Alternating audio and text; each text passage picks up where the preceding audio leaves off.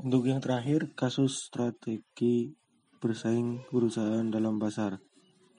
Uh, ini yang pertama yaitu persaingan antara Reebok dan Nike telah berlangsung selama tiga dekade dan masih terus berlangsung. Salah satunya perbedaan antara dua merek tersebut adalah target pasar.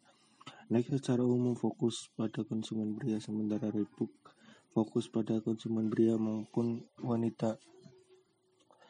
Reebok sekarang sudah dimiliki oleh Adidas.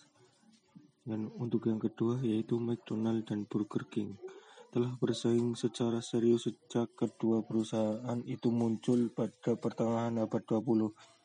Persaingan intens antara dua perusahaan restoran cepat saji tersebut pun diakui oleh pendiri McDonald Kopatron Ray Kroc.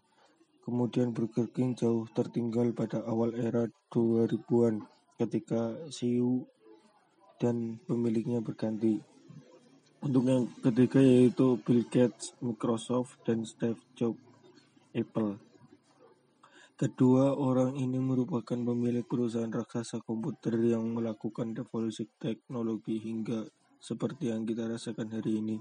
Baik Jobs maupun Gates tak lulus kuliah, namun pengetahuan komputer dan bisnis mereka tak ada duanya.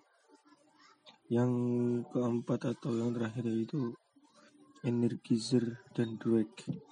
Dua perusahaan baterai ini memang merajai pasar, namun jarang yang mengetahui perbedaan antara keduanya. Energizer telah beroperasi sejak 1800-an, sementara Drake baru mulai pada pertengahan 1960-an.